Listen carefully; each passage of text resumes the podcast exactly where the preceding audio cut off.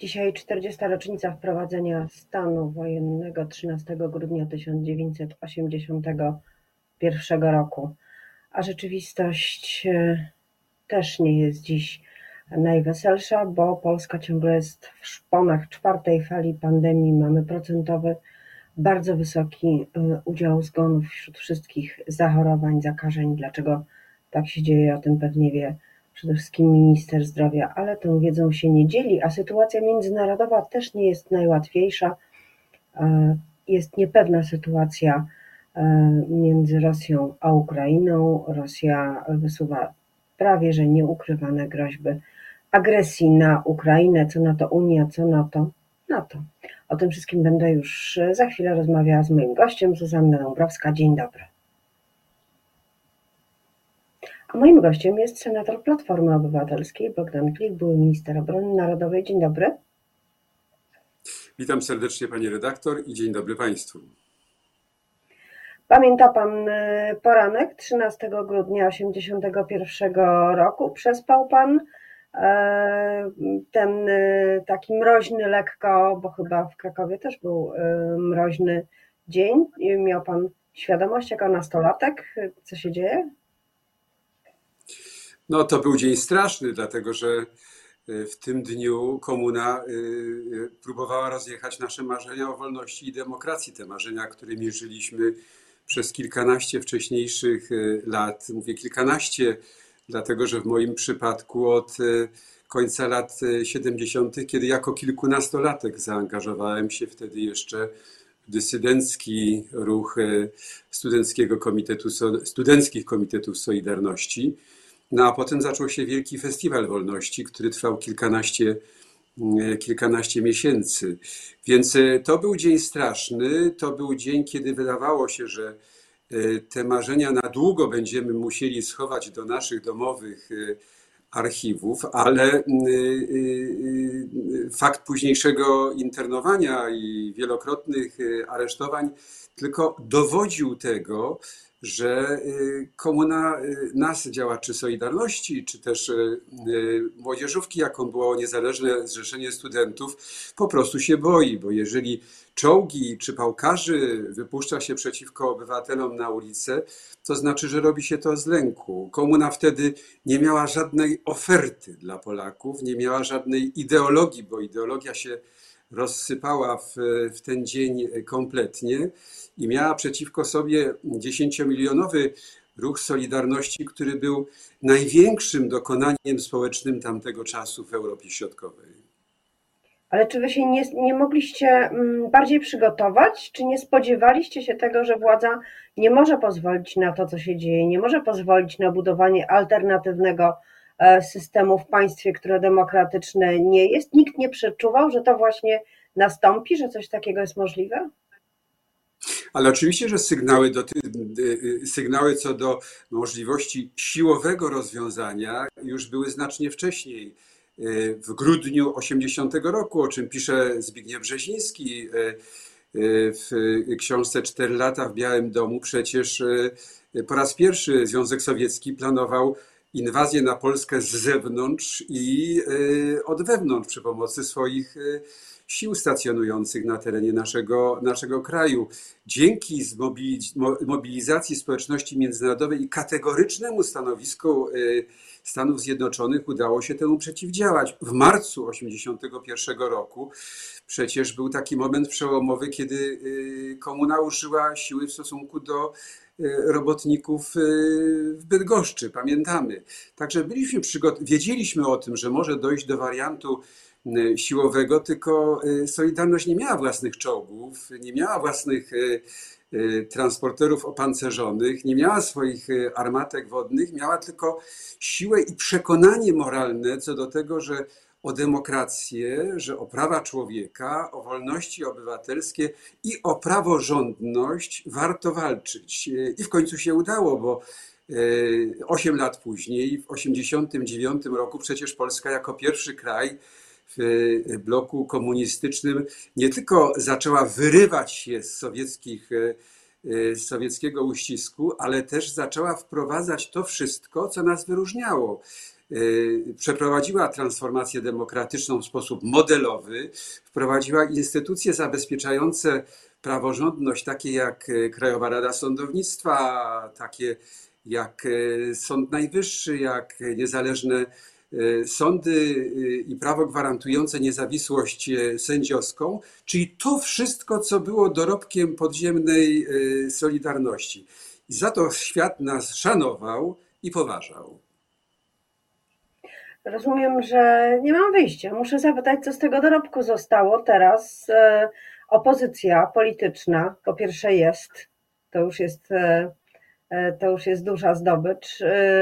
E, ale podkreśla cały czas, że właśnie ten dorobek, przede wszystkim prawny, e, pomału odchodzi w niebyt, krytykuje Prawo i Sprawiedliwość, krytykuje władzę. Zostało dużo z tego dorobku, o którym Pan powiedział, tego wprowadzanego po 1989 roku.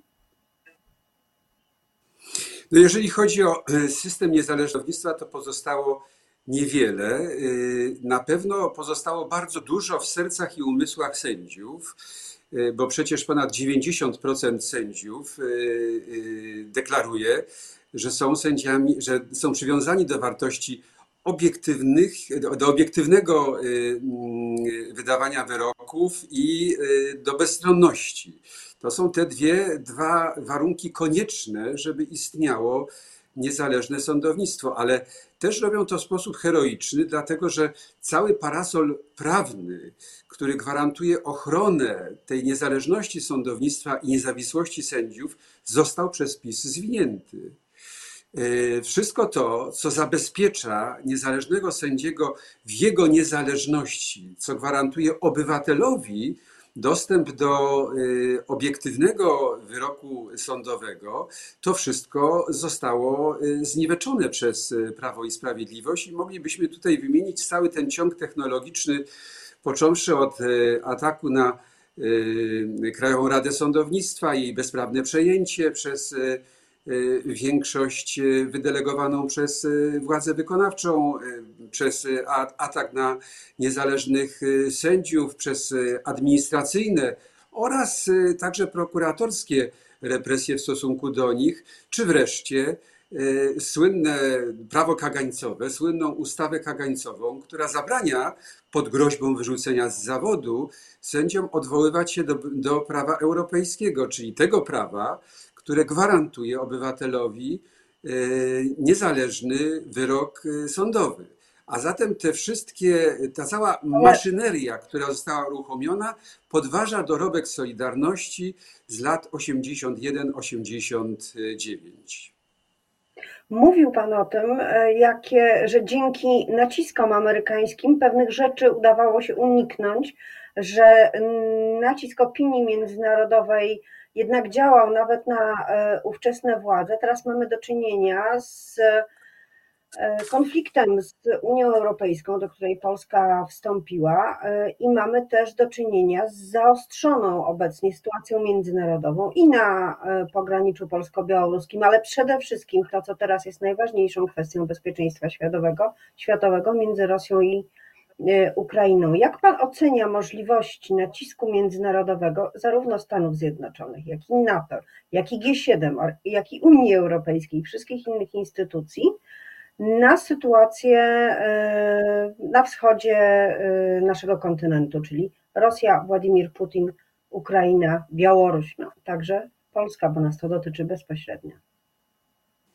Stany Zjednoczone traktują e, ten, e, to rozmieszczenie e, ponad 100 tysięcy żołnierzy rosyjskich oraz sprzętu na wschodniej granicy Ukrainy jako poważne zagrożenie. I my także w Polsce uważamy, że to jest kolejna fala, kolejna odsłona nacisku Rosji na Ukrainę. Jaką, jaki scenariusz będzie ostatecznie realizowany przez Putina, tego jeszcze nie wiadomo, bo to jest w tej chwili w jego, w jego głowie. Ale nie ma wątpliwości co do tego, że Putin chce wymusić podporządkowanie Ukrainy Kremlowi. Cała doktryna Putina zmierzająca do tego, żeby reintegrować jak największą część byłego Związku Sowieckiego, jest uzależniona od tego, czy Ukraina zostanie poddana kontroli ze strony Moskwy. Ukraina dzielnie broni swojej suwerenności, tej ogłoszonej 30 lat temu, w 1991 roku. I to broni nie tylko politycznie, ale też na polu walki. Tak było w 2014 roku, kiedy Ukraińcy stanęli twarzą w twarz z agresją na Doniec, na Donbas i tak było twarzą, tak, tak, tak było też wtedy, kiedy Rosja dokonała bezprawnej aneksji Krymu. W tej chwili grozi kolejny etap inwazji Rosji na Ukrainę i przed tym Zachód pod przewodnictwem prezydenta Stanów Zjednoczonych musi Putina powstrzymać. Jak? Są różne metody nacisku. Mówi się, Unia Europejska mówi, odetniemy Rosję od międzynarodowego systemu bankowego. Pojawiła się taka dźwignia dyplomatyczna w postaci groźby, że nie popłynie żadne, nie popłynie nic, żadne paliwo Nord Stream 2, jeśli dojdzie do mm, agresji e, Rosji na Ukrainę. Jakie są te elementy nacisku? Putin mówi, nie mogę sobie pozwolić na to, żeby granica NATO się przesunęła, żeby dotyczyła y, i dotykała bezpośrednio Rosji. To jest jego argument. No, pani redaktor wymieniła w tej chwili tylko dwie z możliwych sankcji ekonomicznych, które y, mogłyby być nałożone na, y, na Rosję. Prezydent Biden mówi o straszliwych konsekwencjach dla Federacji Rosyjskiej na razie nie odsłania kart i to dobrze z punktu widzenia skuteczności tego, tego nacisku. Y, y, wydaje się, że te sankcje, które mają charakter ekonomiczny, powinny być skoncentrowane na sektorze energetycznym, dlatego że wymiana handlowa Rosji z Stanami Zjednoczonymi jest dość ograniczona. A w wymianie handlowej z innymi krajami do, dominują surowce energetyczne. W związku z tym nałożenie sankcji na sektor energetyczny y, Rosji y, jest kluczowe w przypadku, gdyby do takiej inwazji doszło. Natomiast z kolei odcięcie Rosji od systemu bankowego SWIFT to jest rzeczywiście finansowa broń atomowa. Yy, Zachód prakty, praktykował. Ona uderza we Władimira Putina? Czy ona uderza e, we Władimira Putina i władze na Kremlu, czy raczej doświadczą jej ci zamożniejsi e, obywatele Rosji, tacy, którzy no, mają powody, żeby uczestniczyć w międzynarodowym systemie bankowym, mają jakieś pieniądze, mają konta. Elita czy elita władzy? To dotyczyłoby wszystkich, to dotyczyłoby całej Rosji, wszystkich jej podmiotów gospodarczych, tych, które w jakikolwiek sposób handlują z Zachodem, ale to też dotyczyłoby Zachodu, który w jakikolwiek sposób handluje z, z Rosją. Więc to jest broń obosieczna. Chcę powiedzieć, że ona została przećwiczona w 2018 roku, jeżeli chodzi o stosunku do Iranu. Yy, I yy, no, yy, sami Amerykanie mówią, że to jest ostateczność. To by oznaczało tak naprawdę odcięcie całej Rosji od międzynarodowego systemu obiegu pieniądza, który, którym posługują się wszystkie tysiące banków rozlokowanych w ponad 200 krajach krajach y, świata. W związku z tym Rosja odcięta od międzynarodowego obiegu pieniądza y, musiałaby sobie z tym poradzić, a byłoby to niezmiernie trudno, no bo dzisiaj trudno wozić gotówkę w walizkach. Czy podczas posiedzenia Rady Krajowej w sobotę, Rady Krajowej Platformy Obywatelskiej, e, Powzięliście e, Państwo, politycy Platformy, jakieś stanowiska dotyczące bezpieczeństwa Polski, szczególnie wschodniej granicy, bo mam wrażenie, że wśród natłoku różnych personalnych rozstrzygnięć, e, prezentowania nowej drużyny, prezentowania pomysłów politycznych, wewnętrznych na następny rok, ten temat troszkę jakby umknął. No, tam dominowały przede wszystkim sprawy krajowe. Po pierwsze, konieczność stworzenia a to jest wielkie przedsięwzięcie, ogólnopolskiej kontroli wyborów, takiej, która by uruchomiła przynajmniej 27 tysięcy osób do tego, żeby w każdej komisji obwodowej był jakiś przedstawiciel y, opozycji. Y, także została złożona deklaracja i słusznie o tym, że stworzy się alternatywny system komputerowy, który będzie zliczał wyniki y, wyborów z tych wszystkich obwodowych komisji wyborczych. W związku z tym obywatel dostanie y, niezależną informację o tym, jaki jest wynik wyborów w skali całego kraju w ciągu kilkunastu godzin tam też była mowa o tym, i to jest niezmiernie ważne, że y, nie ma wroga na opozycji, że nie ma przeciwnika na opozycji i że trzeba, współpracować z wszystkimi formacjami opozycyjnymi i zachęta do tego, żeby potwierdzić to na najbliższym, y, na kolejnym posiedzeniu Senatu, wtedy kiedy będzie dokonywana, dokonywany wybór członków y, Rady Polityki Pieniężnej i że to muszą być, co dla mnie jest oczywiste, muszą być przedstawiciele uzgodnieni, uzgodnieni w całej demokratycznej większości senackiej. Tam też była Ale panie senatorze, o, tym, o mobilizacji panie senatorze. Panie senatorze, jeszcze krótkie pytanie, czy w tym wszyscy mieści się lewica, bo lewica wymieniona nie była, było e, o PSL-u, było o Polsce 2050, a w Senacie ma pan lewicowych senatorów e, do tych uzgodnień, których pewnie trzeba będzie brać pod uwagę. W Senacie współpracujemy zarówno z Lewicą, jak i z e, przedstawicielem Polski 2050, e, jak i z przedstawicielami PSL-u i wreszcie z senatorami niezależnymi. I dzięki temu ta większość senacka funkcjonuje już e, ponad dwa lata. W związku z tym senacki model współpracy opozycji powinien być stosowany także w Sejmie i powinien być takim ogólnokrajowym modelem współpracy opozycyjnej no powiedzmy sobie szczerze, tak jak węgierskiej opozycji udało się zjednoczyć przy wyłanianiu jednego kandydata na premiera w najbliższych wyborach, y, które odbędą się w kwietniu przyszłego roku. Nie ma przeciwnika na lewicy. To powinno być, to, to jest w moim przekonaniu najważniejsze hasło polityczne na najbliższe miesiące i lata. To wróćmy jeszcze na koniec naszej, naszej rozmowy do kwestii e, granicy. Dlatego pytałam e, e, o posiedzenie Rady Krajowej i o tę kwestię, że e, wydaje mi się, że w przestrzeni publicznej nie widać żadnego naprawdę alternatywnego stanowiska wobec tego, jak postępuje władza. Krytykowane są jej poszczególne kroki, a to, że nie zaprosiła Frontexu, a to, że stosuje pushbacki, różne inne jej posunięcia. Ale ja bym chciała wiedzieć, co by zrobiła Platforma Obywatelska, gdyby miała do czynienia z tą sytuacją? Czy to by była zmiana jakościowa, czy tylko nieco przesunęlibyście akcenty?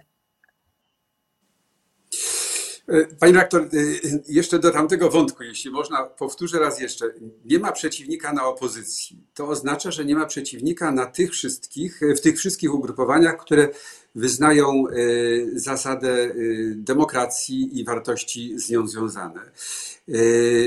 W tej współpracy opozycyjnej mieści się i PSL, i Lewica, i Ruch Hołowni. To jest to jest pewien model, który powinien być stosowany w najbliższych, najbliższych latach. Teraz powracając do, do Pani pytania o to, co, co, co z tym, co dzieje się na wschodzie.